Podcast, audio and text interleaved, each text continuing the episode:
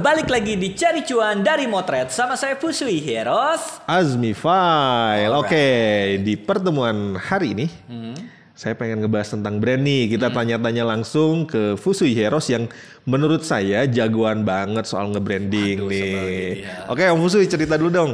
Brand itu apa sih? Oke, eh, menurutku brand itu sederhananya adalah pembeda. Oke. Brand itu adalah pembeda. Jadi ceritanya zaman dulu itu, ya kan, eh, sebelum dikenal brand namanya adalah brander dari Jermani kuno. Bahasa Jerman. Ah, Jermani kuno, Kuno, Old oke. North, Old North lah kalau misalnya saya baca di eh, artikel-artikel ya. Ya. Nah, jadi gini, pembeda itu kalau misalkan zaman dulu itu saya punya ternak, Kang Azmi Oke. juga punya ternak kuda, misalkan saya punya kuda, beberapa kuda, Kang Azmi punya kuda. Nah, untuk membedain ternak satu sama ternak lainnya, Ya. jadi saya punya besi panas yang udah ada logonya atau misalkan gambarnya. Hmm.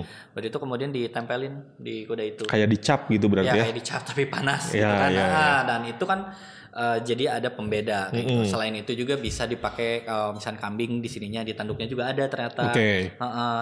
kan alhamdulillah kita manusia Iya, dikasih jadi akal pikirnya nggak usah bukan dicap, gitu kan Eh, tapi eh. minimal kan kita dikasih nama sama orang tua Betul. Heeh, walaupun anaknya kembar orang tua ngasih namanya beda Ya. kenapa biar bisa ngebedain si Betul. A sama si B Ya. Heeh, selain itu juga kalau misalkan ada cerita zaman dulu tembikar lah tembikar teh kayak apa ya Tanah liat Hmm. gitu ya. Tanah lai tanah, tanah liat rumah ah, dari kalau tanah misalkan ngelihat eh, tembikar dari Yunani kuno, eh, Mesir kuno, eh, China kuno atau misalkan dari tiap daerah itu eh, apa namanya ornamen-ornamennya juga beda gitu. Kenapa? Karena kan itu menjadi identitinya Ya. eh, tembikar dari tempat itu. Iya. Nah, sama kayak sekarang brand itu menjadi pembeda. Betul. Dan elemennya juga ada banyak sih. Banyak ya. gitu kan. Jadi brand itu nggak cuma nama ya. Kalau tadi kan dinamain, misalkan Ya. sapi punya si A, kambing punya peternak si B gitu kan. Nah berarti brand itu tidak sekedar nama. Nah kaitannya di fotografi nih, yang harus dilakukan dalam branding apa nih? Oke, yang pasti ya kita harus mengenal dulunya brand elemennya ya. Yang pertama ada nama, ada tagline juga, ada misalkan maskot, ada visual kalau misalkan di foto Oke. kan. Misalkan si Heroes mainannya warna apa ketika misalkan dikasih misalkan warna gelap atau misalkan warna coklat ketika ngupload warna kuning kan pasti orang eh ini mah kayaknya bukan Heroes kan. Nah, Ya. berarti visual juga bisa melekat. Selain visual di dalamnya juga ada voice Oke. Nah, ada voice bahkan ada jingle juga. Kalau misalkan Oke. Tokopedia kan kayak teng teng teng teng teng. Ya ya. Kalau misalkan Gojek tuh Kayak gimana? ya kayak gitulah. Tapi kan dengan mendengar Oke. seperti itu kita bisa teringat brand itu gitu. Oke. Dan dan dan ke semua elemen itu nanti melekat ke diri kita Iya. atau ke brand kita seperti itu. Jadi brand itu unsurnya banyak ya, tidak Brand hanya unsurnya banyak, nama. cuma nama doang. Hmm. Jadi misalkan kita berfotografi, brand itu nggak cuma nama fotografi kita. Eh, misalkan ada selama ini yang saya pakai nama fotografi nama pribadi atau nama brand gitu ya. Hmm, hmm, hmm, hmm. Jadi itu sebetulnya hanya salah satu unsur. Salah satu unsur. heeh. Yang sebetulnya di balik itu banyak, banget unsur lain yang harus dipikirin. Oke. Nah, kenapa si fotografer penting banget eh, berinvestasi atau memikirkan tentang brandingnya? Brand ya, heeh, ya. Mm-mm. Karena gini menurutku karena saya pemain wedding fotografi ya. Ya. di Bandung salah eh, kotanya kalau ngeliat dari segi persaingan gitu ya Mm-mm. banyak banget nih brand-brand fotografi yang Ya. main di industri wedding Betul. mungkin tiap bulan pasti ada yang baru gitu karena Ya. kan udah mudah gitu kan terus kalau misalkan kita ngeliat visualnya juga ya Mirip. agak homogen aja jadinya Ya. mirip ada tren apa ngikutnya ke sana ada tren Ya. apa ikutnya ke sana dan teknik-teknik juga tidak terlalu beda berbeda jauh nah Ya.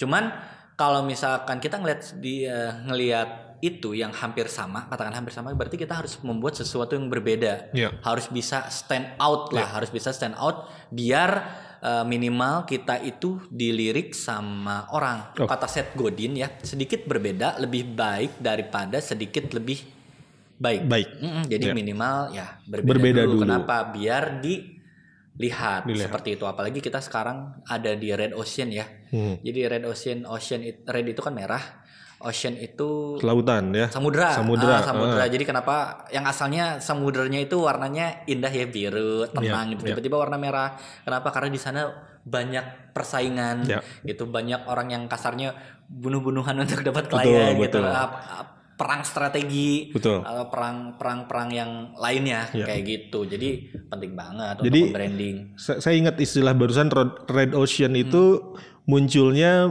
atau eh, lawannya dari blue ocean ya. iya betul. Jadi ada sebuah buku tahun 2004 ya muncul istilah blue ocean dalam bisnis itu.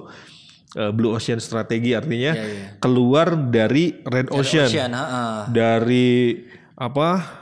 Dari industri yang begitu padat dan berdarah-darah bergeser ke blue ocean. Nah, tapi mungkin kalau di sini teman-teman yang bermain di fotografi pernikahan mau tidak mau memang berada di red ocean.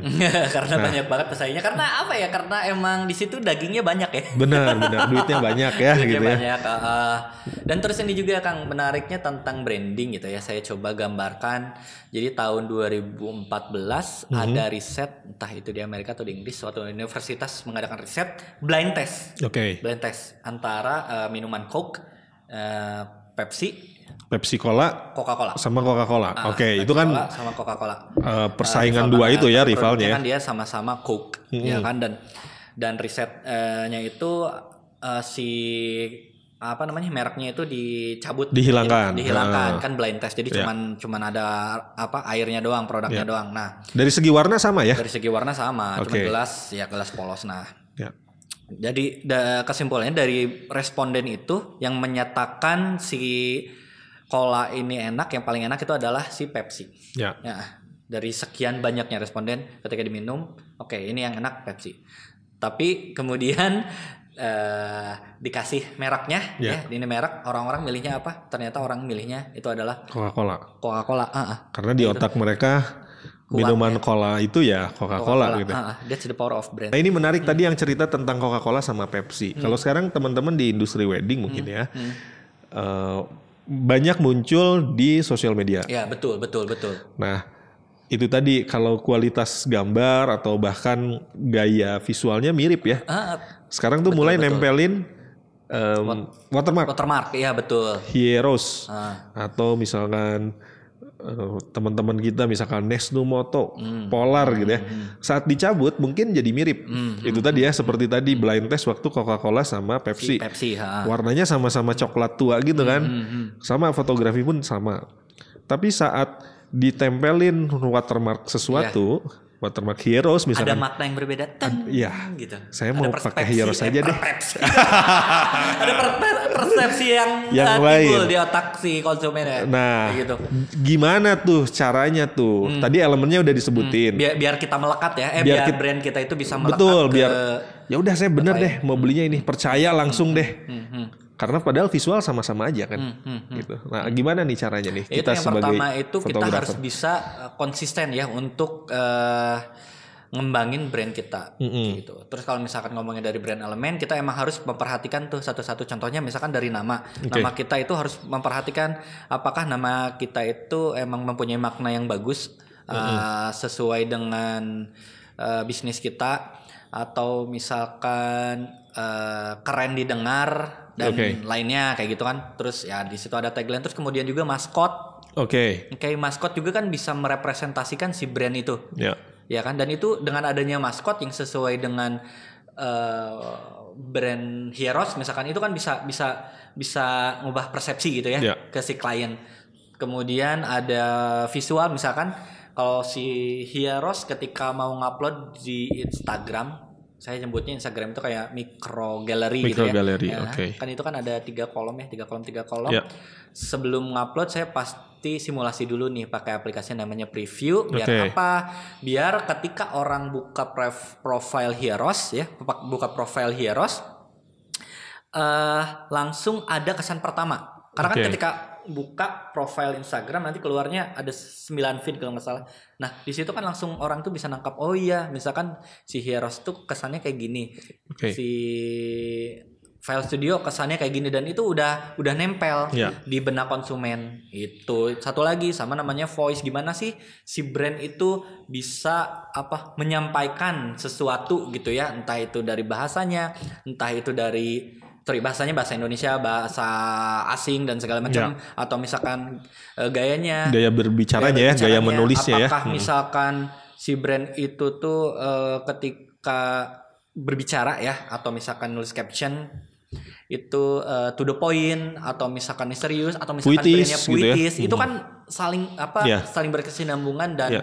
uh, melekat nah semua ini harus konsisten biar Konsisten. apa biar nanti lama kelamaan brand kita dengan identity seperti itu yang Ya. udah kita bangun nempel di benak konsumen sehingga konsumen tuh bisa apa ya berpikir atau punya asosiasi oh image brand ini tuh Oke. seperti ini Oke. gitu Dan mungkin yang satu lagi Hmm, ya, setelah di benak konsumen itu eh, apa kesannya udah didapat ya. Betul, betul. Tadi ya voice-nya, warnanya, Warnanya, narasinya udah udah konsisten dibikin sehingga di benak konsumen udah tertanam sesuatu. Hmm. Nah, saat servisnya kita berikan harus selaras juga ya. iya betul Jangan tiba-tiba betul lah jangan cuma tampilannya keren. branding doang gitu ya Heeh. branding kalau misalkan nge-branding doang cuma dapat kesan kesan Iya. pertama tapi kalau misalkan ternyata eh, kualitas kita kurang baik ketika di lapangan atau misalkan sebelum event atau pra event event pasca event kita Iya. servisnya kurang bagus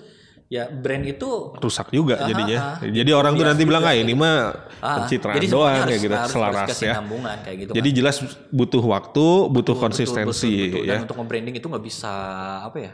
nggak bisa cepat, nggak bisa gurung gusuh gitu ya. Jadi setelah nama ditemukan Hmm. atau nama di, ditentukan ya, baru investasi dengan sabar, panjang dan konsisten untuk brandnya. Betul, betul, betul. Tapi ini nyambung sama episode kita sebelumnya nih. Hmm. Kalau nama udah ditemukan, pastikan dulu sudah diamankan Oh ya. iya benar, benar, benar, benar. Biar investasi kita nih pasti bakalan investasi waktu tenaga yang banyak betul, buat betul, ngebangun betul, brand. betul. Tiba-tiba nama itu tidak diamankan atau ternyata sudah ada orang lain yang punya atau diambil orang lain. Bahaya juga ya. Dan mau otomatis juga bisa. Jadi ini kaitannya berarti kalau dilihat lagi di zoom out nih, kita ngelihat lebih lebar lagi. Tadi kita sempat bicara tentang red ocean. Hmm, Oke. Kalau kita lagi ngebahasnya industri fotografi pernikahan ya. yang banyak banget. Wah, itu gitu. pemainnya banyak gitu ya. Oh, Terus sekarang nampilnya di mana nih? Nampilnya di sosial media di Instagram.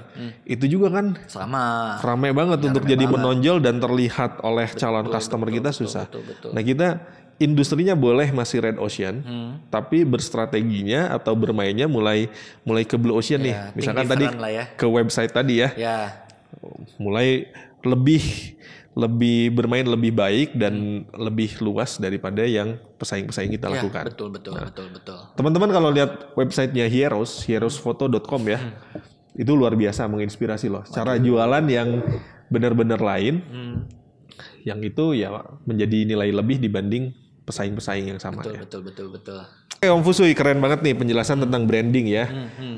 Pesan terakhirnya nih tentang branding nih teman-teman yang udah punya nama brand, apa yang harus dilakukan sekarang? Yang yang pertama ya investasi di branding itu oh, sangat penting. Ya. Terus untuk nge-branding itu kita harus secara perlahan pelan-pelan gitu ya karena butuh eh, proses. Proses. Gitu. Dan pentingnya untuk nge-branding adalah biar kita lebih berbeda, lebih nonjol, lebih stand out daripada konsum eh sorry daripada Pesaing. pesaing-pesaing yang lain.